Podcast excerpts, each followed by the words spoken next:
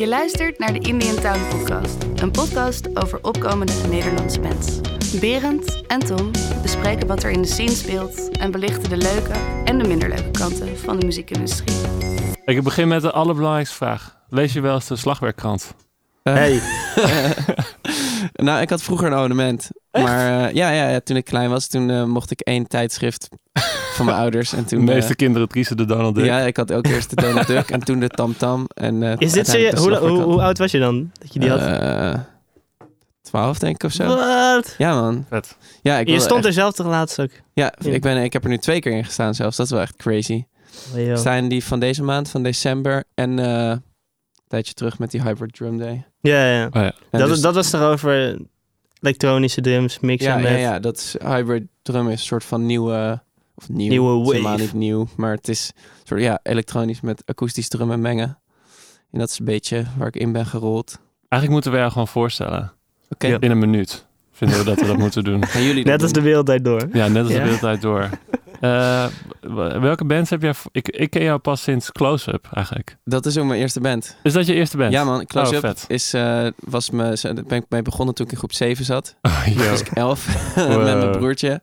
En ik heb echt tien jaar in die band gezeten of zo. Dat is echt gegroeid van een basis. Af en toe komt dat nummer Vixen komt dan nog in mijn Spotify. Ja, eh, dat is echt. Ik zie dus die dat. Spotify-statistiekjes van Ja, ja, eh, ja. daar nog van Wat terug. grappig. Dat is echt, ik kreeg Ja. zo'n boost met zo de eindejaarslijstjes. ja, ja, grappig inderdaad. En daarna eh, kunnen mensen jou kennen van Radio Eliza. Yes. Ja, en van de band Wies. Meegedaan aan de popronde dit jaar. En staan op Noorderslag dit jaar. Mhm. En recentelijk zit je nu ook met een paar jongens van Radio Eliza in de band Bungie. Ja. Spreek ik dat zo goed uit? Ja, dat is gewoon Ja, Bungie. top. Gewoon Bungie. Gewoon Bungie. Ehm, je hebt de Herman Brood Academie afgerond. Yes. Je hebt de Conservatorium van Amsterdam afgerond. Mhm. Je hebt, volgens mij ben je drie keer Serious Talent geweest. Ja. Was dat Crazy, een mooi ja. moment toen je dat, toen je dat door Eh, had? Ja, het was mooi. En tegelijkertijd voelt het een heel klein beetje alsof ik een soort van... eh, ik zei dat net al tegen Tom. Van je hebt een soort... Je, je begint een bandje en dan groei je ergens naar door. En dan heb je een soort tussenfase. En het voelt af en toe alsof ik een beetje in die tussenfase al heel veel jaar vastzit. En ik blijf de hele tijd zo de poprom en Series Talent doen. Ja, maar het komt maar- ook omdat je dan weer een nieuwe act hebt Ja, natuurlijk. de- ik, en, Ja. en er zit ook wel een soort... ehm, ik weet niet, het, het lijkt alsof ik gewoon de hele tijd misschien zo een nieuwe band begin en dan gaat het net goed en dan begin ik weer iets nieuws. Maar er zit wel soort, voor mij niet Nou, een consistentie in. Ja, ook gewoon natuurlijk met bijvoorbeeld met Bungie nu, die mensen kennen. Het zijn niet allemaal nieuwe mensen voor jou. Nee, want Bungie de is eigenlijk, Ja. het is nu net naar buiten en het lijkt mijn nieuwe band, maar het was er al voor Wies. Bungie was Ja, hoe lang zijn, zijn er al twee jaar mee bezig of zo? ja, 2,5 jaar bijna. Dat is echt, we Ja. zijn eigenlijk eh, gestopt met Radio Liza en met Palmsy toen om dit te gaan doen. Dus dat, het Ja. voelt voor mij ook niet helemaal als iets nieuws of zo. Het is wel heel bewust een keuze geweest. Eigenlijk is alles... Hoe is dat besluit toen gevallen, zeg maar? Want eh, hoe, eh, wat misten jullie bij Radio Liza wat je nu bijvoorbeeld wel bij Bungie hebt? Nou, het was sowieso moeilijk dat Morris, de zanger, twee bands had die allebei eh, op de radio werden gedraaid en, druk waren. Ja, Palmsy.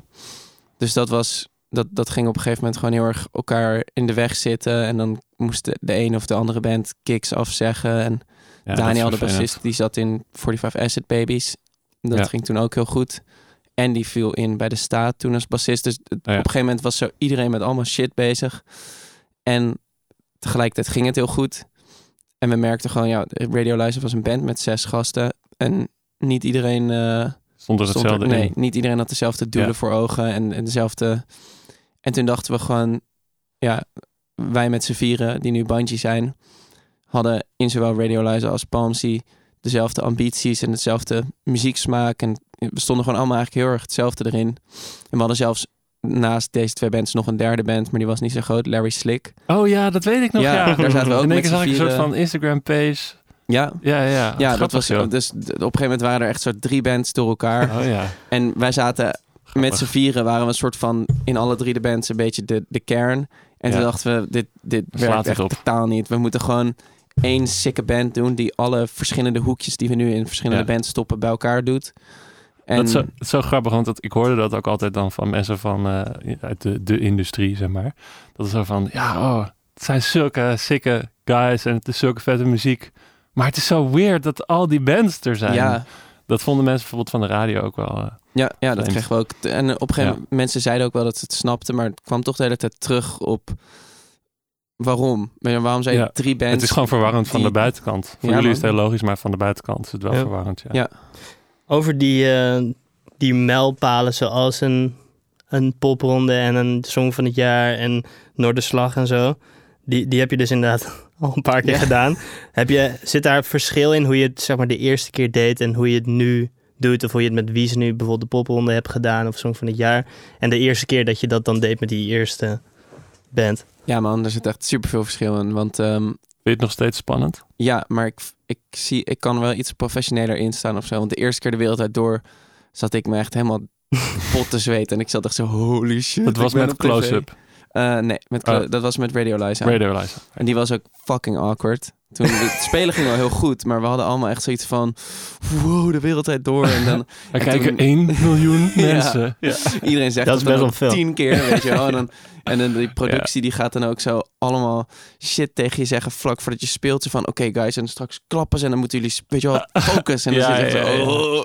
Er was toch ook zo'n moment dat hij iets vroeg aan Morris en toen was er, kwam er echt zo'n heel ongemakkelijk gesprek uit. Ja, wat was dat ook Oké, je hebt dus je komt daar en dan van tevoren gaan ze je zeggen dit gaan we vragen. Ja. En dan kan je zelf nog sturen, kunnen jullie ook het hebben over dat we 45 popronde shows doen en dat we superveel aan het spelen zijn. En zeggen ze, oké, dan Matthijs gaat jullie vragen, jullie zijn heel veel aan het spelen en dan kun je daar wat over vertellen. Ja. Dus wij hadden daar helemaal op gerekend, ons antwoord bedacht. Oh ja, en toen werd het iets anders. Nou, en dan ga je daar dus middags de doorloop doen. Dan heb je een soort stand-in Matthijs. Ja. En die gaat dan zo, oh, uh, die stelt dus die voorbereide vraag en dan geef je daar je antwoord op en zo, oké, okay, we're ready.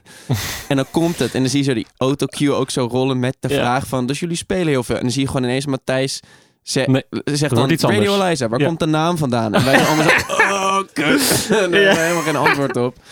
Dus um, op dat moment, ja, Morris was... is niet heel goed in, in uh, überhaupt in... Ik vond het tering grappig. Ja, het, was ja, het is leuk als je dan die mensen kent, inderdaad. Ja. Dan blijft er een soort van menselijk... En ik weet ook inderdaad dat al die dingen altijd zo gescript zijn. Dus ik vind het dan ook leuk als er even iets het is ook leuk als het anders gaat. Maar ja, op dat moment, ja. ik weet niet. Wij dachten allemaal van, holy shit, 1 miljoen mensen, 1 miljoen mensen. En dan zit je alleen maar zo, dit is niet hoe het moest.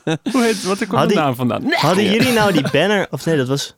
Dat was ook voor die 5 S babies die de banner van Facebook ook had nee, naar de tweet. Oh, dat waren jullie. Ja, want daarna kwamen dus zo allemaal tweets van mensen van... ja, we zagen ook, weet je wel, we waren helemaal in onze eigen Radio Liza bubbel en we hadden helemaal niet door dat, weet ik veel, dat mensen misschien dachten dat we weirdo's waren. Of zeg maar, als ik terugkijk, nu zie je zo zes gasten met zo fucking lang onverzorgd haar. En een, van die episode over hem dus zo een beetje staan. En het is best wel... Uh, ja, we zagen, ik snap wel dat een soort van de, de gemiddelde Nederlander die dat in zijn huiskamer tweets kwamen er dan op?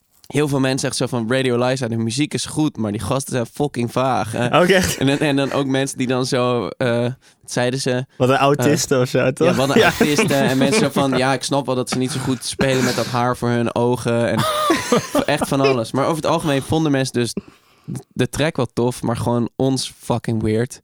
En toen hadden we gewoon de ergste, ergste tweet uitgezocht en die als uh, Facebook banner gezet. weet je nog wat, wat het was? Nee, ja, volgens mij iets van wat een stelletje autisten of zo. Ah, ja, Want, ja, het is terug te vinden op Facebook, mensen. En, maar, en hoe zijn dus die andere... Oké, de wereldtijd door heb je dus nu... Was je minder zenuwachtig, bijvoorbeeld? Ja, maar Shanne dus. Voor haar was het de eerste keer. Dus zij, dat merkte ik ook wel meteen. Ik kon er dan... Tobias en ik hadden het allebei een keer gedaan. En wij waren gewoon rustiger. Ja. En uh, Shanne was heel zenuwachtig. Shanne is de, de, de frontvrouw van uh, Wies. Ja. ja. En dat merkten we dus heel erg, omdat we gingen een cover spelen van een nummer van Anouk in onze eigen versie. En we hadden dus ook een andere toonsoort. En weer diezelfde dude van de productie. Zo van, oké, ze klappen, maar we hebben heel kort, hè, dus jullie moeten meteen in het applaus aftikken. Oh, wat kut ook. En uh, dan draaiden ze dus een fragment van het origineel. En die mensen klappen. En ik tikte af. En door het applaus hoorde Shanne gewoon de eerste basnoot niet. Dus het een soort van haar laatste referentie was het Zo'n soort gevoel was echt al over ja, de place, zeg maar. En dan, zij is, ze is super professioneel, dus zij zat dan in haar hoofd zo te rekenen van het origineel. En dan moet ik anderhalve noot omlaag. En oh, ja. Maar ja, dan zit je ook zo op tv.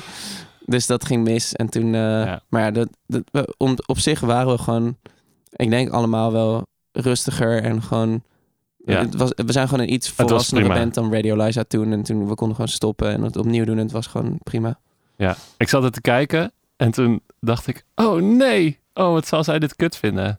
Maar toen later dacht ik, ja, prima ook gewoon Ja. dat het gewoon... eh, En het grappige is dat juist eh, veel mensen onthouden dat dan. We stonden daar met drie bands en omdat Ja. wij dat momentje hadden, zijn wij volgens mij bij heel veel mensen blijven hangen. Hm. ja, ja.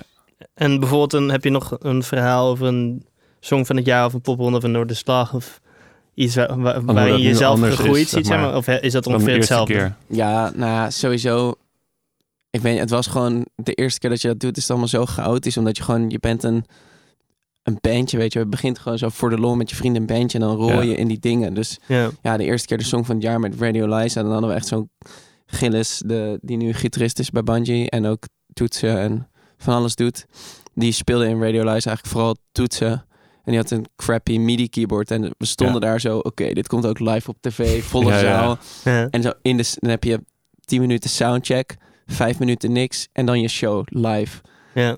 En eh, wij zo opbouwen en hij zo, oh wow, mijn MIDI keyboard doet het niet. Oh, dan God. zo gewoon niks. En wij zo, oh fuck. En toen MIDI keyboards van andere bands proberen, maar daar hadden we de driver niet van. En het was Oh, echt zo helemaal Dat is toch, chaos. 2000, dat is toch, eh, dit is toch allemaal plug-and-play gewoon? Wat? Meest, meestal is dat gewoon plug-and-play. Ja, nee, maar ja, we kregen zo'n Noord en daar heb je dan een Oh, driver Jezus. van. En Het Ja. was ook echt zo'n huge stage ja. Dat kon echt God. helemaal niet. Ja. En toen uiteindelijk, echt zo in de... ik- Dat is ook wel grappig, want ik merk dan wel... Dat ik ben heel vaak... Ik ben een beetje zo'n technische nerd. Dus ik kan heel vaak in zo'n moment wel... We hebben een paar keer zoiets gehad dat het zo bijna misgaat. En dan dat ik echt zo net... Dan werken we met z'n allen en dan... Nou, nu kwamen we er zo achter dat als we dat USB-kabeltje er half in Oh, deden... lekker. ging de stroom in elk geval aan. en dan gingen we met een fysieke MIDI-kabel... Van, de, eh, van het keyboard naar de interface. En dan pakte die hem weer. Maar dit was echt zo, weet je wel, twee seconden voordat we live gingen. Zo, oh, wow, het werkt weer. Ja, wow. En we hadden het ook op concertatie. Toen waren we een SPD vergeten. En dan zit je ergens in... eh, oh ja, dat heb ik, verhaal heb ik gehoord ja. inderdaad. Zaten we in Goes ergens. Hey, bij de En- bakshop. Ja, maar ja, dat was dus... We dachten van, oh, oké, we gaan naar Bax. We hebben nog twee uur. Maar omdat heel fucking Nederland naar concertatie aan het rijden is... over die ene dijk... Ja. Ja. Er staat dus een sikke file en dat- we redden het gewoon niet om in twee uur naar Bax op en neer. Dat was echt... Maar we, we konden uiteindelijk van Bluff een, een eh, Ja. sample pad lenen. Oh ja, dat Yamaha-ding. Ja, maar dat was dus een ja. DTX. En ik had nog nooit een fucking Yamaha-pad aangeraakt. En wij zeiden, oké, eh, we moeten alle MIDI-noten goed... Weet je wel, hij moet dan opnieuw geprogrammeerd dat hij onze waardes heeft. En nou, ik dat ding uitzoeken en hij werkte echt totaal niet. En ik zo, dat ding is één grote clusterfuck in het menu. Dus Ja. dan moet je zo in een menu, in een menu, in een menu en dan de USB aanzetten of zo. Dat is echt fucking ingewikkeld. En ik zo met iemand bellen die er ook eentje had en proberen. En uiteindelijk werkte die een beetje. Toen kwamen we er in de soundcheck achter dat als je harder slaat, dat dan gaat hij de waarde weer veranderen. De- Velocity sensitive. Ja, precies. ja.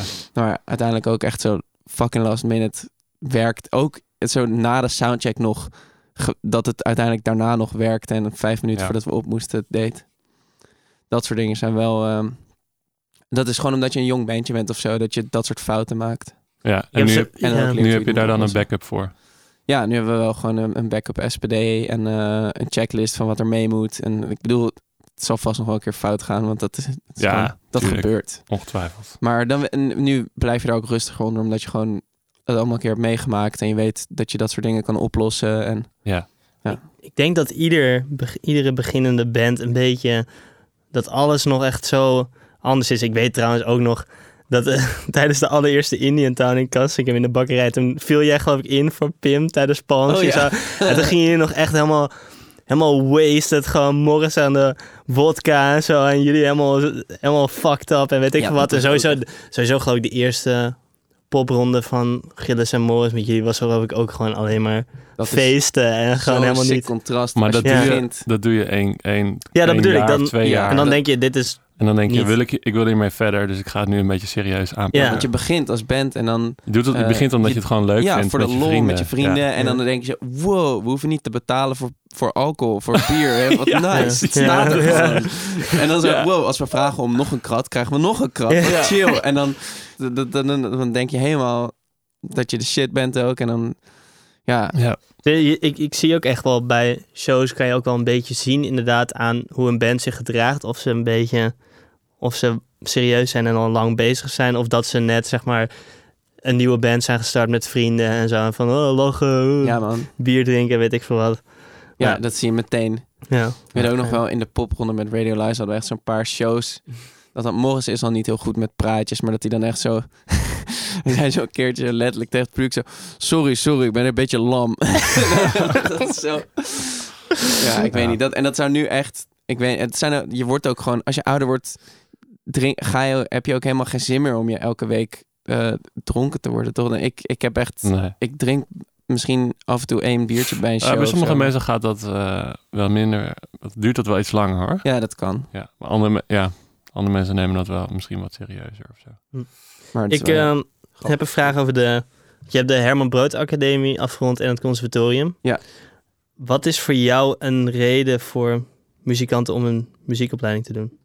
Nou, het is sowieso grappig, want ik, dat, dat eh, is minder bekend. Want toen, mijn- ik ken, ik spreek ook helemaal niemand van die tijd daarvoor. Maar ik heb voordat ik de Herman Brood deed ook de Rock Academie een jaar gedaan. Oh. Oh, Ja, dus ik ben, ik heb, ik wilde heel graag, ik had gewoon in mijn hoofd, rock is vet. De, en de Nee, Rock dat- Academie is de, weet je wel, de popafdeling. Nee man, ik wil rock maken. Dus ik wilde heel graag naar die Rock Academie. Deed je dat meteen na HAVO?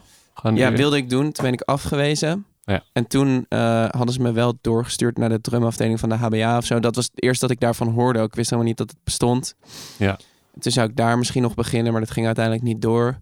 Toen heb ik het tussenjaar gedaan. En eh, in dat tussenjaar heb ik gewoon heel veel drumles. Dan heb ik drie verschillende drumdocenten gehad en heel veel geoefend. En eh, ik heb ook nog een halfjaartje toen stage gelopen bij Excelsior Recordings. En ik wilde ja. gewoon heel erg graag die muziek in. En toen het jaar daarna werd ik aangenomen op de Rock Academie.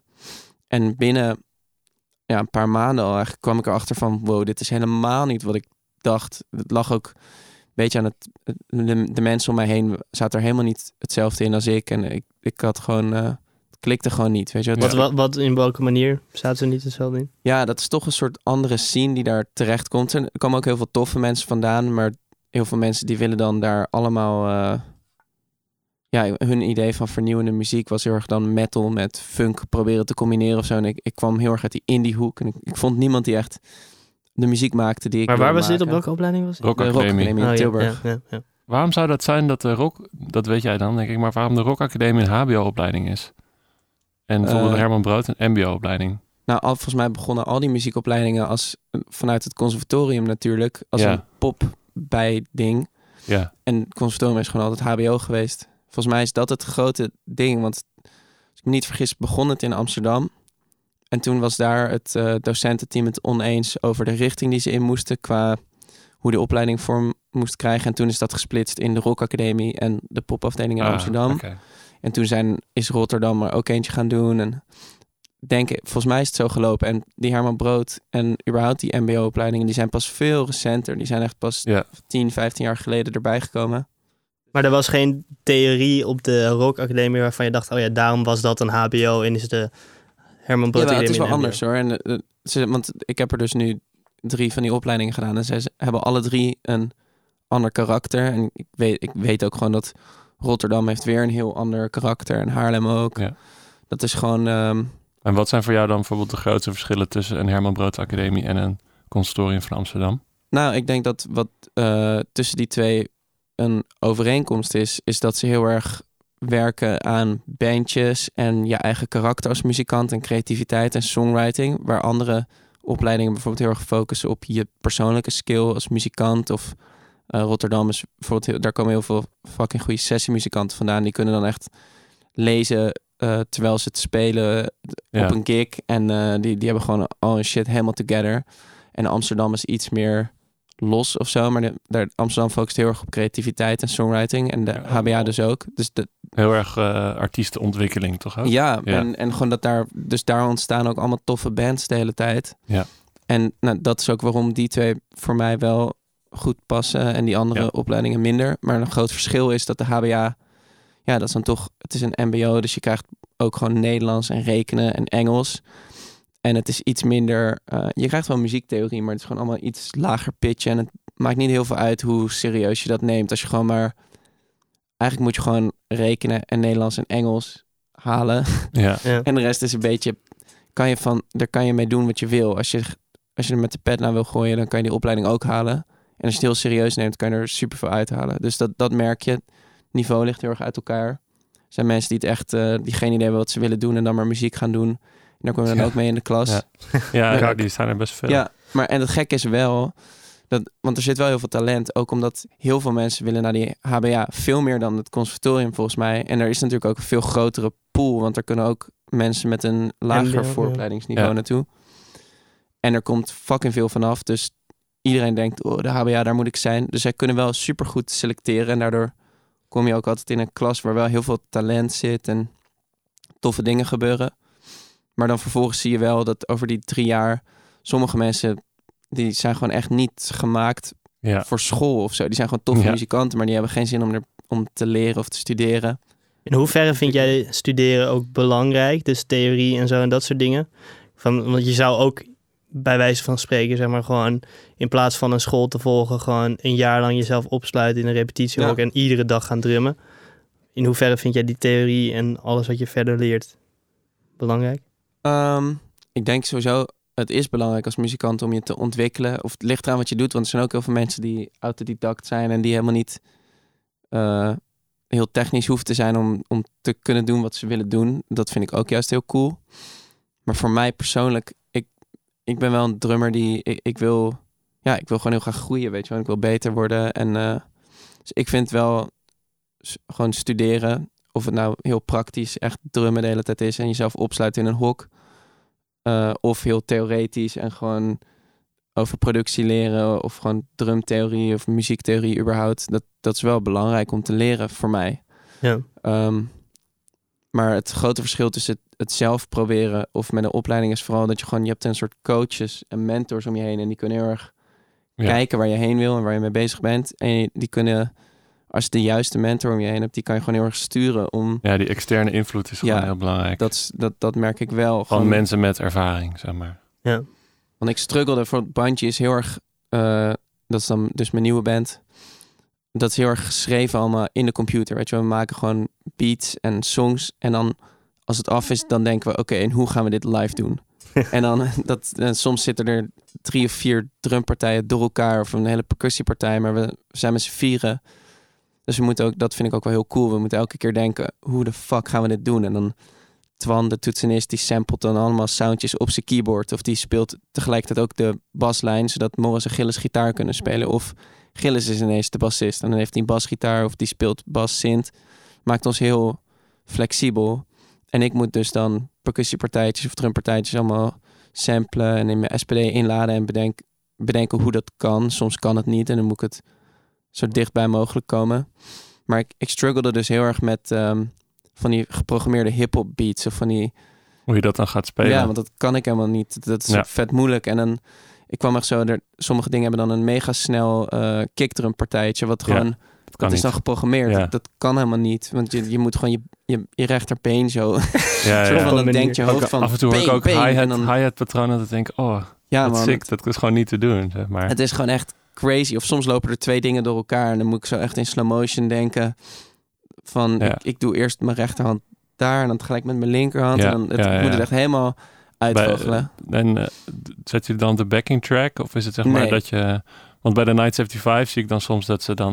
Dat hij dan bijvoorbeeld één hit doet en dan is het dan één maat. ja. Dan een bepaald patroon, zeg maar. Mhm. Doe je dat dan? Nee, nou, ons uitgangspunt is wel heel erg om. eh, dat hebben we eigenlijk met Radio Liza begonnen. En dat, dat vind ik gewoon super nice werken om geen backing track te doen. Dus Ja. ik heb de klik in, omdat ik. eh, ik ben als drummer niet altijd even tempo vast. En ik vind het gewoon fijn om Ja. soort backbone te hebben. Ben jij de enige met klik dan? Ja. En ik kan hem ook altijd uitzetten, want niks zit vast of zo. Nee, er Dus- is niks gesynct. nee, en ik heb Nee. hem dan één pad op mijn SPD, is mijn klik aan of uit. Bij Wies is dat Lekker. trouwens toch wel zo? Of heb ik dat Eh, verkeerd? nou, bij Wies lopen er soms sequences mee. Ja. daar heb ik Ableton ook. En dan, ehm, maar dat is eigenlijk weer een heel ander verhaal. Want daar kan ik ook dingen tap tempo. En dan vind, Oh ja. ik vind het altijd wel belangrijk. Ja, dan stretcht hij het. Ja, Ja, ja, ja, dat gewoon kan met, Ableton in goed. Ableton. Ja, ja, dat is nice. En want ik vind het wel altijd belangrijk dat er niet, eh, dat je niet als mens meespeelt met de computer, maar dat de computer meespeelt met jou als band. En dat je gewoon ja, muziek kan maken. Echt. Ja. Eh, dus mijn, mijn uitgangspunt is wel altijd dat. En ehm, in, in Radio Live en Bandje hebben we nooit backing track eigenlijk. Maar hoe heb je dat dan opgelost? Van dat je dan een patroon hebt die niet kan spelen, speel je het anders live? Ik speel het anders en ik, ik, ja, ik ga dan wel echt ver om te zorgen dat ik gewoon shit wel kan spelen. Dus dan, ja, dan is een soort weird hi-hat slash ride partijtje. En die doe ik dan met mijn rechterhand. En dan Ja. is er een soort kick-snare patroon. Die doe ik dan tussen mijn voet en mijn, en mijn linkerhand. En dan Ja. in de ruimte die over is, zit er eigenlijk een percussiepartijtje. En dan kijk ik gewoon, oké, waar heb ik ruimte? Soms moet ik bijvoorbeeld met mijn stok twee pads aanslaan. Of dan heb ik twee geluiden op elkaar op één. want je hebt niet zo'n zo'n kick trigger, zo'n jawel, heb elektronische. oh, oké. ja, dat ik heb die en ik heb ook mijn echte kick en snare getriggerd. Je Eh, hele drumstel is getriggerd toch ook nog? Ja, Ja. en ik heb dan ook... Soms ja, ook. Ik heb geen toms. Oh, ik heb, ja. gewoon- Oh, ik heb ja, echt ja, alleen ja. maar kick, snare, hi-hat. En dan mijn kick is Ja. getriggerd, mijn snare is getriggerd. Ik heb nog een soort extra pad op de rand van mijn snare... waar ik snare sounds of extra dingen die ik heel dicht bij mijn snare moet spelen... Ja. ook nog heb. En dan heb ik die kick trigger. En dan heb ik... Heb je altijd al die set, zeg maar die minimale setup gehad? Eh, nee, ik vond het wel altijd interessant. Ja. En eh, dat is eigenlijk begonnen toen ik bungee ging doen. Want met Radio Live had ik gewoon nog wel toms en crashes. Maar ik, en ik vind dat dan... Mijn filosofie erachter is dat een crash of zo... dit gebruik je heel erg Ja, op de één van een, van een, van een als nieuw, overgang. Ja, van Ja. een nieuw eh, vormstukje. En die toms, die zijn ook... Dat zijn een soort van versieringsdingen, Ja. weet je. Die gebruik je in een veel af en toe. En, Ja, we eh, dachten gewoon back to basics. ja, ik geloof, kijk, ik geloof erg in de dynamiek van een echte kick en een snare en een hi-hat. Dat kan gewoon niet elektronisch. Maar al die andere dingen, je wil eigenlijk per, per track wil je de, de sounds die daarbij horen. Weet je wel, je wil per eh, song wil je de kick sound die klopt. Nou, dat kan je dus met de Ja. trigger doen en de snare sound die klopt. Maar je wil ook, je wil helemaal niet dezelfde toms in elke track. Sommige tracks Ja. wil je dat het zo'n sikke 808 tom veel is. Soms wil je dat het klinkt als mega Ja. stadion dingen. Soms wil je iets heel anders dan toms. Toen dacht ik van ja, ik heb gewoon negen pads op mijn SPD. Waarom zijn dat Ja. niet mijn toms en mijn crash die ik per eh, track kan aanpassen aan wat ik nodig heb?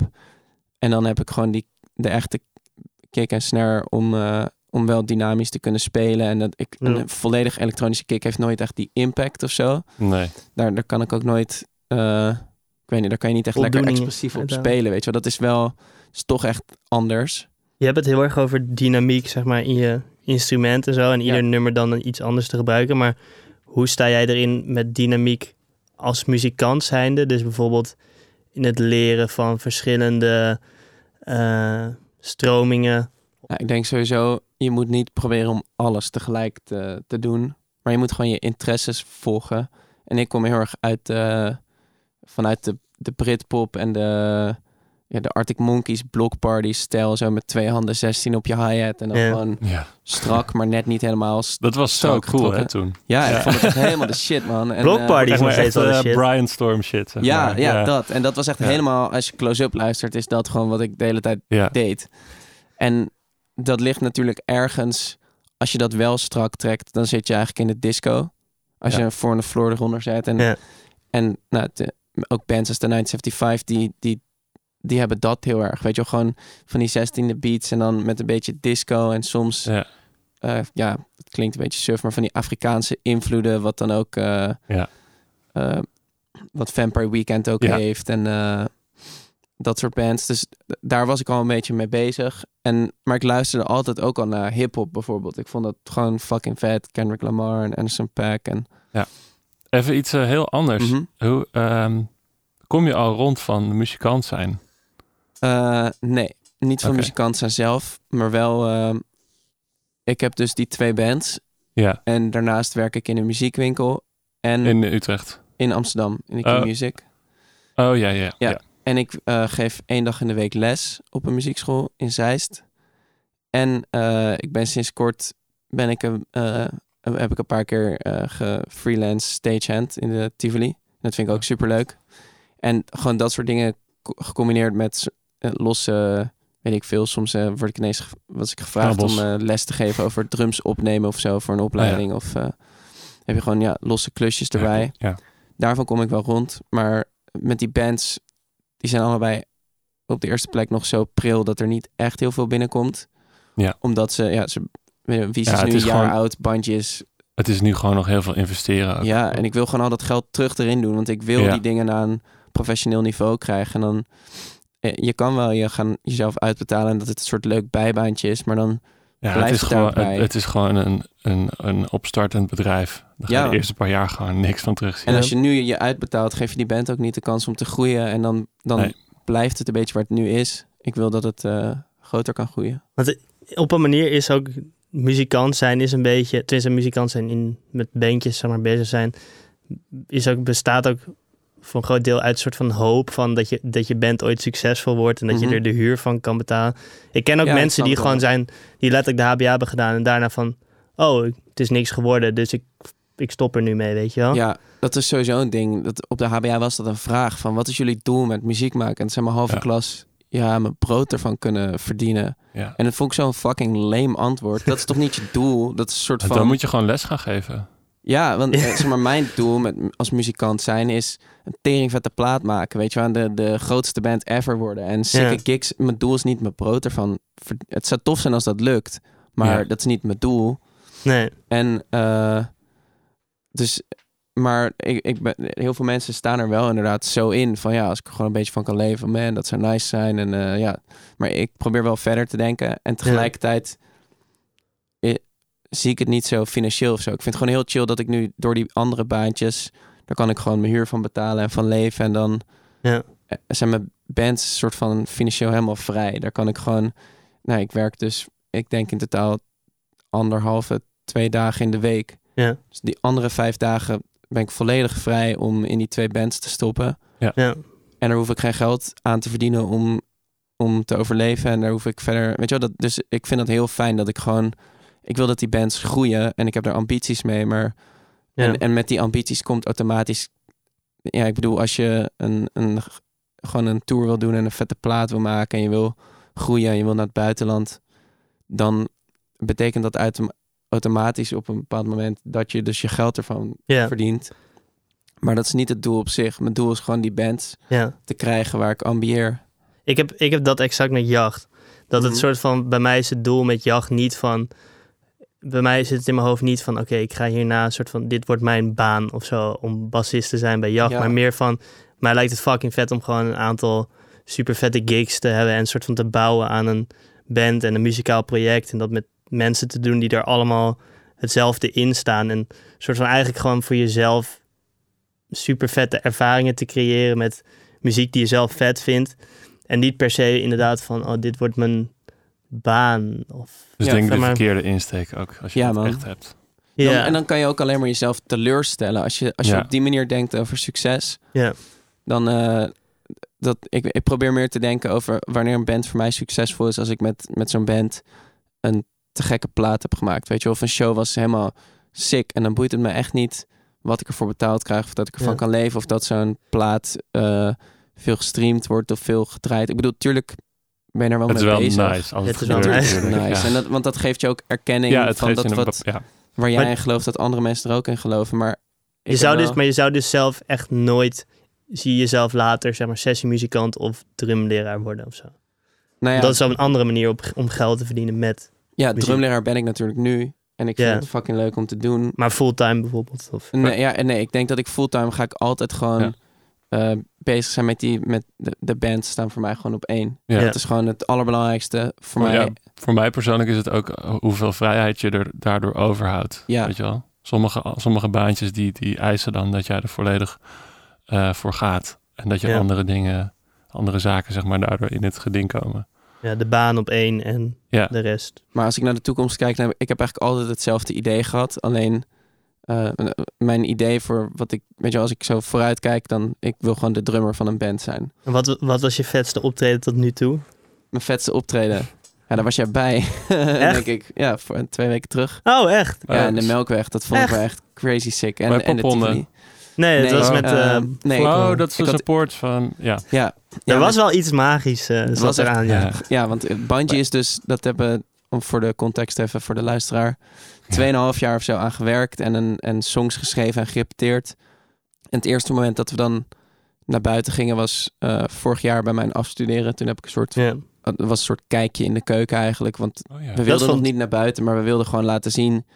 Ja, ik moest ook met iets afstuderen natuurlijk, maar ik wilde Dat laten Twan, de, de keyboardist, vond dat geloof ik. Dat zei hij tegen me dat hij dat de vetste, zijn vetste die was vond. Sick, want we speelden dus in de Paradiso Noord. Ja. En het was gewoon vol en we, ja, we- we, begonnen net. Niemand kon het kennen, maar er vet, waren hoor. heel veel mensen op afgekomen. Ja, het was gewoon, ik weet niet, er kwam wel een soort magie bij elkaar daar in die show. We hoorden ineens van alle kanten terug uit de industrie van wow, dat, dat was te gek. Of, en mensen die er niet waren, die zeiden dan, ik hoor allemaal verhalen over jullie en we moeten even gaan praten. En dat werkte eigenlijk echt fucking goed. Ja. En toen hebben wij dus weer, nou, dat was mei toen. Dus we hebben van mei tot november alsnog genomen om dan het team rond te krijgen, dingen uit te werken. Op, we zijn ondertussen naar België geweest om wat tracks op te nemen. En In ICP. ja, in de Six ICT, Studio. ja, Crazy Six Studio. ja, en, we dan, eh, studio. en we hebben dat gewoon uitgewerkt. En nu zijn we op het punt dat er een paar tracks best wel ready zijn. Die, die worden, as we speak, gemixt. En ehm, we hebben gewoon het team rond. Dus we hebben Arjo eh, en Jelle voor het management. We zitten bij Mojo voor de boekingen. En nu gaan we dus pas echt naar buiten. Dus we hebben eh, pas begin december de eerste echte shows gedaan. En eh, Tom die was mee om te filmen bij onze Oh, ik wilde net vragen, Melkweg. waarom was jij daar? Maar Ja, jij was even filmen. Ik was even filmen. Ah, vet. Leuk. En dat was zo gestoord. We deden gewoon de support van Hobo Johnson in de, melk, de grote zaal van de Melkweg. Die Ja. was sold out. En nou, niemand kon ons kennen, want we bestaan niet. We hebben een Instagram, maar er staat alleen dat is- ja, een soort van de shows op. Ja. Want we, Ja. ja, we, er is gewoon nog niks.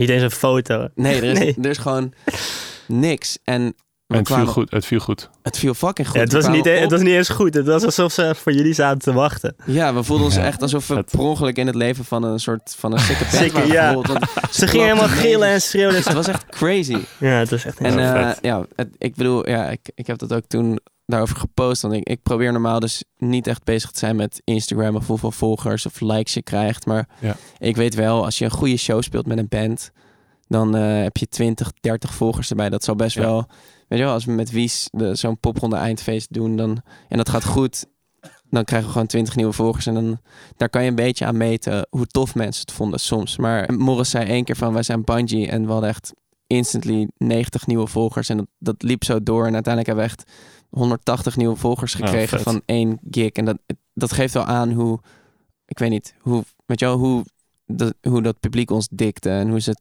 Ja. vet vonden wat we Ja, deden. dat was ook een hele zieke show. Ja. Er was gewoon ook inderdaad door het publiek een beetje een soort magie of zo. ja. Ik zag dat jij al... Ik, eh, ik ging even terugscrollen op jouw Ja? Facebook. ja, ik zag het vanochtend. ik kreeg ineens Wat? al een oude post dat je geliked. Oh ja, dat was op Instagram. Creepy was op. Instagram. Nee, ehm, ik zag op Facebook, eh, eh, want ik probeerde even te zoeken alle al je Mhm. oude bands en zo. eh, dat jij al je posts hebt weggehaald, behalve de Bungie Support Ja, aankondigingen. ja ik, wilde, ik ben eigenlijk helemaal gestopt met Facebook. En ehm, Ja. ik vond het een grote afleiding. En ik, ik ben iets meer met online privacy bezig Ja. geraakt. En ik weet niet, ik vond het gewoon niet zo nice om alles daar te hebben staan. Ik, ik was gewoon ooit eh, heel erg obsessief met Facebook. En dan stond Ja. er echt zo alles op van... ik heb mijn arm gebroken en ik ben verhuisd naar dit adres. En ik Ja, dacht ja, gewoon, Tussenuur. ik hoef dat niet meer... Lekker, grote pauze. Ja, ik eet vanavond dit. Ik dacht, weet je, ik hoef dat eigenlijk helemaal niet online te hebben. Nee. Dus ik heb dat Maar allemaal ik- weggehaald. Oh, ik dacht even dat jullie het zeg maar allemaal hadden gecoördineerd. Met, de, met de band. Maar jij bent Nee, de enige nee. die dat heeft Ik ben de enige die dat heeft. Dat is gewoon vanuit persoonlijke eh, overweging. En toen, maar ik, ja, ik heb wel nog veel connecties op Facebook. En eh, dus Ja, ik, ben er eigenlijk ook alleen voor die Bungie posts Ja. weer een keertje op ingelogd. Ah, ja. En ik heb dat geplaatst. Jij hebt best wel trouwens geluk gehad dat je dus nu zo'n twee bands hebt waar, waar, waar je samenwerkt met mensen waar je echt heel blij mee bent en Mhm. zo. Maar ik ken ook heel veel mensen die dan studeren aan een muziekopleiding. Of gewoon sowieso in veel bandjes zitten en zo. Met heel veel verschillende mensen. Vaak wo- worden die ook door de opleiding bijvoorbeeld bij elkaar gezet en zo. Ja. Heb jij, be- hoe bepaal jij zeg maar met wie jij in een band gaat zitten? Ja, eh, ik heb dus altijd... eh, kijk, Close Up begon met voor mij toen ik elf was en op de basisschool in groep 7 zat. En ik begon gewoon met mijn broertje een band. En dat is langzaam doorgegroeid en het werd een middelbare schoolband. Ja. En dat werd toen een na de middelbare schoolband. En toen ging het, het werd gewoon steeds serieuzer. En toen gingen we meedoen met de kunstbenden. En toen wonnen we kunstbende Oh, ja. Utrecht. En toen zo heel langzaam werd dat iets groter en groter. En toen kwamen we een keer op de radio. En toen kregen we een boeker, Agents After All. Dat heeft ons wel echt heel erg geholpen toen. Dat, dat was onze eerste echte serieuze stap. Toen deden we de popronde. Toen werden we daar... eh, want ik ben dus ook drie keer... heb ik... ik weet, met Radio Live waren echt de meest geboekte band ooit. Maar met Close Up deed ik ook al 27 popronde shows. Ja. En dat was, toen, toen was dat gewoon ook... Toen waren we de ene meest geboekte band. Dus... ehm, En dat ging heel erg goed. Eh, totdat het... Ja, iedereen was inmiddels al, weet je wel, richting het einde van zijn studie. Ja. En toen kregen we een sync op tv. Toen zaten we onder een eh, reclame Welke reclame? van eh, maandag. De ja, Oh, detacheur van de groene sector, geloof ik. ja, was echt... het- Ik Jullie had, droom. Ja. ja, ja, ik had er nog nooit echt van gehoord. Maar ineens waren Ja. we zo eh, eh, twee, drie weken lang... gewoon elke dag een paar keer op eh, alle tv-zenders. En Mooi. Kan je goed investeren, dat geld. ja, we kregen echt ja, best wel veel geld. Ja, dat is boven de 10.000 waarschijnlijk. Ja, zeker. Ja. Ja, oké. En ehm, we waren gewoon met z'n vieren die band ooit begonnen. Ja. En dat was gewoon een hobby. En nou, de bassist had een broer, die heeft zijn hele studie lang in een keuken gewerkt. Eerst als afwasser, toen als hulpkok, toen als kok. En we hadden teruggerekend van als we dat geld zo door vieren splitten. En Nee. alle, alle Nee. kosten die wij over vier jaar hebben gemaakt met investeren met gigs en zo. Dan heeft alsnog had hij dus ineens meer geld verdiend dan zijn broer over vier jaar. Weet je, dus Oh. ineens was die band was gewoon, ja, het werd, werd serieus. We, dachten ineens, wow, dit is gewoon net als een bijbaan. Weet je wel, en, en toen kwamen we op het punt van, oké, dan moeten we nu een soort plaat gaan maken en investeren. En tegelijkertijd, ja, ik was muziek aan het doen, maar de- onze zanger, die, eh, die studeerde ook politicologie. En toen was net dus de campagne tussen Hillary Clinton en Donald Ja. Trump in Amerika. En hij kreeg de kans om naar Amerika te gaan en eh, en mee te helpen met de campagne voor Hillary Clinton. Oh, wie was dit dan? Sam, Oh, oké. de zanger. Ja. En ehm, Zie je maar toch dat hij voor muziek had eh, moeten ja, nou, hij zei, en toen, toen kwamen we op een punt dat hij zei van ja, we, wow, we, hebben, weet je wel, we hebben allemaal altijd die band boven alles verkozen. Hij- we hebben allemaal dingen laten schieten van, eh, van andere dingen, omdat we hier altijd op focusten. En ineens realiseerde hij zich, ja, we kwamen gewoon echt op zo'n punt. Het werd gewoon serieus met veel geld en hij kreeg die kans en hij voelde zich heel erg zo van dat hij moest kiezen, ga ik mijn hele leven aan deze band en de muziek wijden of wil, wil ik iets anders? Het was echt zo'n zo'n Ja, een- een breekpunt. ja, een, een e-splitsing van welke kant gaan we, of een t-splitsing, welke kant gaan we op? En, en ik dacht gewoon, ik wil muziek gaan doen, weet je wel, ik ga hiervoor. Ik geloof erin, ik wil gewoon, ik wil dit doen. En eh, maar de rest niet. Hm. Dus zodra dat stopte, waren er allemaal andere bands die, die weet je ook om me heen van de HBA en zo, die zagen van, hé, hey, eh, ik ben beschikbaar als drummer. En toen ben ik gewoon voor een stuk of zes bands of zo gevraagd. Dus, en toen, want ik, heb, ik had nog nooit een andere band gedaan. Ik had gewoon altijd dat gedaan. En ineens had ik een soort van supergrote luxe dat ik de tofste band kon uitzoeken. En ineens was daar Radio Liza en die Ja, stuurde me zo de demo van hun EP. En die zeiden, yo, eh, wij eh, willen een nieuwe drummer en eh, we vinden jou tof. En ik luisterde dat en ik, ik weet niet, ik, klikte gewoon, weet je wel. No- nog steeds, daarom werk ik nog met ze. Ik vind het gewoon fucking tof. Wat met Morris' stem, alle sounds, alle, het klopt. Het was gewoon helemaal het type band waarin ik me zag spelen. En Ja. ik wist gewoon meteen van, oké, dit is wat ik wil doen. En Ja. ja, toen ging, kwam ik daarin en toen hiel, ging dat weer heel goed. Beter dan close-up. En zo kwam ik weer een stapje verder. En eh, Maar, dus het, maar ergens is het dus wel een soort van ook weer geluk of zo. Want bijvoorbeeld die bijvoorbeeld Eut of zo, die zijn dan al afgestudeerd en die wisten heel erg van elkaar van oh, ik vind die persoon vet en die persoon Ja. vet en we gaan samenwerken en we- dit komt eruit, zeg maar. Maar bij jou werd je dus gevraagd door een band die toevallig heel vet was. En zat ja, ik... maar hij klopte wel, die band klopte wel echt 100% met wat ik wilde doen. Ja, oké, eh, het, was wel, voordat we elkaar kenden, heel duidelijk al een match. Dat ik een soort van precies de juiste drummer was voor die band. En dat die band helemaal klopte bij wat ik wilde doen. Nou, en toen gebeurde dus binnen, ik denk twee jaar of zo, dat we die band runden, dat we erachter kwamen dat het Ja. niet, niet helemaal iedereen er hetzelfde in stond en niet werkte. En meteen Ja. op dat punt. Dus het is voor mij een soort van één grote doorlopende lijn van close-up. En dat stopt. En toen ging ik verder met een andere band. En toen besloten we, laten we even een soort van de band opnieuw uitvinden. En, en ja. eigenlijk Palmsy en Radio Liza en Larry Slick tot één nieuwe band En wie is dan? fuseren. Ja, dus dit was gebeuren aan, aan het gebeuren. En we hadden net besloten van oké, we gaan bungee doen. En we gaan gewoon, we dachten toen een jaar. Dat, dat werd uiteindelijk twee, tweeënhalf jaar. Maar we dachten we gaan schrijven en nummers uitwerken en eh, repeteren.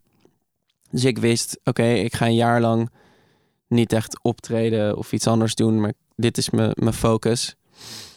En ehm, toen kwam Shanne naar me toe. Die was gewoon een, een, waren gewoon vrienden van het conservatorium. En zij had ineens Nederlandse demo's geschreven in plaats van in het Engels. En ze liet dat horen. En ik was een beetje bezig met productie toen. En ik dacht, oh nice, eh, dit klinkt tof. Ik vond het wel iets heel puurs hebben. Dus ik wilde, ik wilde eigenlijk gewoon een soort van alsof ik een DJ was. Ik dacht, ik wil niet bij een andere band drummen, weet je wel, bandjes mijn focus. Maar misschien wel tof als een soort van kut underscore stijl of zo. Dat Ah, ja. zij dan de zangeres is en ik maak gewoon de beat van haar. En zij schrijft de track, ik maak er een beat van en een, een track die geproduceerd is. En dan dat dat, dat het wordt. Dus ik had een soort. Ik heb van de eerste paar eh Wies demo's heb ik echt crazy remixen gemaakt. Waar die hele stem is vervormd en heel, Wow. heel EDM'ig is. En eh, we vonden dat wel iets hebben of zo, maar was het nog niet. en wij moesten nog één project doen op school, op het conservatorium. En dan moet je gewoon met mensen een soort concept bedenken en een bandje en dan nummers in dat concept schrijven. En eh, daar, dat heb je nodig om je studiepunten te halen. En we dachten gewoon een beetje uit luiheid ook van laten we dit gewoon, laten we gewoon een Inspirerend verhaal. Ja. Ja, inderdaad. Al die hè. Wies-fans die nu luisteren, denken echt... Ja. eh, Het is geboren uit luiheid. nee, maar we dachten gewoon, hey, we willen dit toch doen. Waarom doen we dat niet binnen de schooluren? Dan krijgen we gewoon een coach erbij vanuit school. En dan hebben we gewoon de ruimte en de faciliteiten om het een beetje te proberen. Dus wij gingen, een ASL heet dat, een eh, Advanced Style Lab. En dan bedenk je dus een stijl. En dan dachten we, oké, ASL Nederlandstalig. Dus toen hebben we ook nog een, een Evie de Visser cover en een eh, Spinvis cover ertussen geknald. En voor de rest gewoon alle Wies-songs, zoals jullie die nu kennen Ja. gemaakt. En dan Shanne komt dan aan met een demootje. Gewoon akoestisch op de gitaar. En, eh, en ik ging dat dan ver- verwerken. Maar het werd voordat we dat project gingen doen al duidelijk van... oké, het moet niet helemaal DJ-stijl zijn dan. Er moet ook wat meer bij. Dus Tobias, een, een klasgenoot van ons, die bas speelde. En eh, die had gewoon... Ik weet niet, we vonden hem gewoon een goede bassist... met een heel goed harmonisch... harmonische ge- gevoel voor, voor harmonie en, en songwriting. En hij snapte dat Nederlandstalig. Hij was ook Spinvis-fan. Langzaam, over de maanden dat we dat project deden, groeide dat gewoon uit tot nou, wat Wies nu is. Wel nog elektronisch, maar toch ook wel een bandje. We vonden daar heel erg onze draai. Van, ehm, je wil een soort rag, rock, garage bandje zijn. Weet je wel, gewoon lekker, lekker hard. Ik vond het wel cool, want Shanna was altijd singer-songwriter geweest. Om dan juist niet zo singer-songwriterig. Ik Ja. wilde niet met brushes gaan drummen en dan een beetje... weet je wel, ik wilde juist gewoon een, een band zijn. Nou, uiteindelijk kwamen we dus op een manier dat ik die... Ik heb een laptop met Ableton naast me staan en dan een controller daarvoor. En een keyboardje. En eh, in die Ableton zitten wat, ja, sequences eigenlijk vooral. Dus gewoon synthloopjes die dan... Die zet je aan en dan gaat hij gewoon die maat de hele tijd loopen. Met soms Ja. een synthriffje of de, de- bijvoorbeeld dat dingetje van soms is het te laat waarmee die begint. Die, yes. Ja. Die, nou, die zit daarin. Stond er een seeker aan hier Ja, ineens. ja, Ja. die heb ik net even eronder gezet. Ja. Jongen, Studio Skerend. Hier Ja. staat vol met sequencers. Dat is de geheime naam. Ja, oh. Eh, dit is wel echt een soort van, we gaan een beetje afronden, maar dit is een soort sollicitatievraag, zeg maar. ja. Maar waar zie je jezelf over vijf of tien Oh, jaar? wauw. Wauw, Berend. Ja, Applausje gewoon- voor deze gewoon- vraag. Ik ben gewoon echt super benieuwd. Anders had ik hem ook Maar niet gevraagd. Jasper heeft natuurlijk wel echt een visie. ja. Ja, dat denk Nee, ik ja, ook wel. ik ben wel echt een... Ja. Ik ben, Daarom mijn, vraag ik het Mijn ook. ding is dat ik alles overdenk. Dus ik heb, eh, ik heb... Ik denk over dit soort dingen echt misschien wel te veel na. Hm. Maar over vijf of tien jaar... Ik zie mezelf... eh, ja, ik weet Ik ga niet mijn hele plan onthullen hier. Maar... Werelddominatie. Nee, ja, ik zie mezelf wel eh, gewoon volledig eh, met een band bezig. En dat, dat, dat het. Ik, ik zie mezelf niet als een. eh, als een drummer die je gewoon zo inhuurt van... hé, hey, we hebben een drummer nodig. Oké, Jasper, kom daar Ja, maar je bij. wilt Of, of dedicated bij een bepaalde dedicated band bij een band. En Ja. eh, ik vind ook... Ik, ik vind zoveel dingen cool. Dus productie, drums Ja. opnemen, hybride drums... beats programmeren vind ik ook nice om te Drum doen. clinics. Ja, en, en eh, percussie eh, ben ik, ik, dat is een tijdje terug, maar ik ben ooit, dacht ik ineens van, eh, ja, fuck, ik wil ook gewoon heel goed percussie kunnen spelen. En toen Ja. echt be- even heel lang bezig geweest om gewoon eh, heel strak te kunnen shakeren en Zeker. allemaal percussie-instrumenten daarbij te leren. En ik heb ook nog een vak wereldritme op het conservatorium gevolgd over, Af- Afrikaanse invloeden. ja, Afrikaans, maar ook eh, Latin, Latijn, Ja. eh, oh, vet. Latijns-Amerikaans. Dus ik, ik, ik heb zeg maar een soort brede, brede interesse rondom ritme. Ja. En ik heb ooit eh, een soort van dat bedacht als, weet je, ik kan best wel... in mijn eigen stijl wel een soort van leverancier van ritme zijn, zoals ik dat dan bedacht. Dat je een soort van, eh, eh, ik heb een heel erg mijn eigen stijl denk ik en mijn eigen sound. Het lijkt me wel heel tof als mensen een plaat hebben of een, een, een song, een idee en daar mist gewoon ritme. Dat ze dan dat naar mij sturen en dat ik gewoon een complete drum, percussie, geprogrammeerde shit mix helemaal af als een soort stem een drum producer. opneem. Ja, en dan gewoon... Dus ja, leverancier van ritme vond ik, eh, vond ik... Dat lijkt me heel tof om te doen. Maar dat En- zie ik wel als iets wat ik... soort van dat, dat spelen in een band als de main drummer. Dat is mijn grote focus. En dit zou dan iets zijn wat ik heel leuk zou vinden om daarnaast te doen voor projecten die ik Ja. tof vind. In één band dus. Eh, nee, nee, dat de leverancier van ritme zie ik me wel. eh, dus niet als een sessie eh, cat dat ik de hele tijd dingen doe, maar gewoon als mensen een project hebben. Ja, maar ik bedoel het spelen. Idealiter Ja. speel je voor één band. Nou, of, of twee als dat te combineren is. Maar gewoon Ja. bands waar ik wel echt de onvervangbare ene drummer ben. En dat ik daar gewoon op focus. Ja. En gewoon, eh, want ik ben ook altijd wel een, een groter aandeel dan de drummer. Weet je. Ik denk ook wel mee over de, de stappen die we moeten zetten. En de productie en eh, songwriting. En Ja, je bent geen hired help. Nee, ik ben echt een onderdeel van de groep. En ik probeer Ja. ook altijd, ik weet niet, ik, ik, ik zie dan heel veel talent in mensen om me heen. En ik, ik wil dan eh, iemand als Shanne of zo. Ik vind het fucking vet wat ze doet. En ik probeer dan echt te helpen met alles wat zij niet, eh, waar zij minder mee bezig is. Als Ja. zij minder bezig is met de productie, dan ga ik daar aanvullen. En als Ja. Minder bezig is met de zakelijke kant, op zich heeft Shanne dat allemaal rond. Maar dan binnen bandje zijn die hebben ze allemaal zijn ze wat minder bezig met eh, Buma aanmelden en Sena en Norma. Ja. En dan Daar heb je toch ik- Jelle voor? ja, nu wel. Maar Ja. ik zorg er dan voor dat ik, weet je wel, dat, dat ik dan eh, met de dingen bezig ben waar de rest minder mee bezig is of zo. Om, ik, ik wil aanvullen op, op welk vlak dat dan ook nodig is. Ja. Ja. Als laatste vraag, je zei net dat je soort van in een soort loop zit van die, van die soort van talenten dingen, of tenminste talenten dingen, Ja, gewoon de dingen, en popronde en bla bla bla. Welke van die dingen vind jij, zeg maar, waar, je het, waar heb jij het meest aan gehad als muzikant? Dus, zeg maar, dus eh, om het te verpakken als een soort tip voor muzikanten die nu luisteren. Ehm, nou, Je kan het ook een hele andere twist geven en gewoon. ja, ik denk als ik één ding moet noemen is het de popronde. Gewoon omdat, omdat daar automatisch... Kijk, eigenlijk is het al die dingen...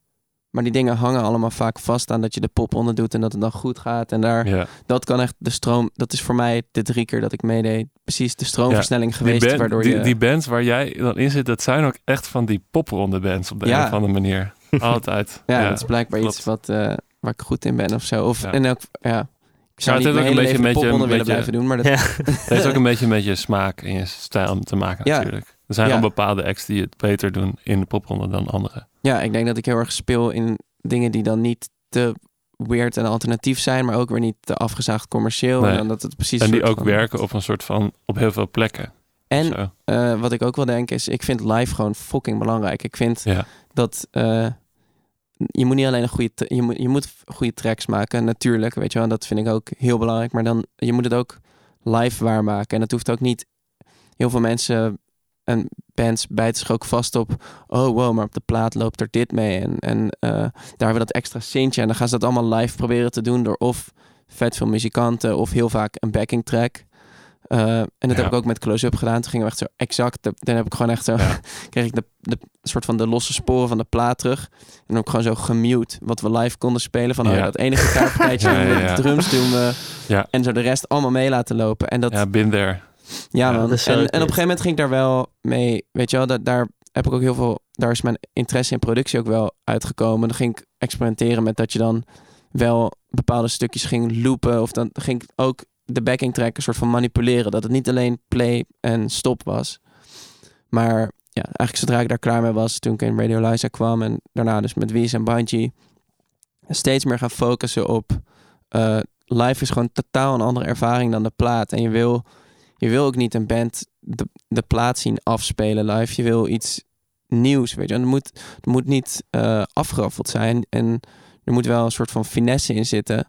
Maar wat ik, ja, ik weet niet, ik was, ehm, ik, ik had laatst, of vorig jaar heb ik Phoenix live gezien en die spelen, weet je, dat klinkt net zo goed als de plaat, maar op een compleet andere manier. En dat had ik ook bij Bon Iver, Best Kept Secret. Hij heeft zo alle Ja. ingrediënten van die plaat, maar hij hustelt het live Ja. opnieuw door elkaar. En dan, Het is ook productie, ook een andere productieslag dat je vanuit de studio dan nog het live gaat doen. Zeg maar. ja, En dat vergeten heel veel bands vaak. ja, die denken gewoon, we gaan de, de Ah, plaat Vet, de plaat is spelen. af, spelen. Ja, Ja. Dat zo gaat En ik vind dat, ik vind dat eigenlijk steeds belangrijker. En ik, ik Ja. geloof wel in, het, je- het moet live staan en het moet iets unieks hebben. En je moet ook, live is live, omdat het, weet je, het leeft. Live en is het live. elke Ja. keer ja, Ja, dat, wordt, dat wordt de titel.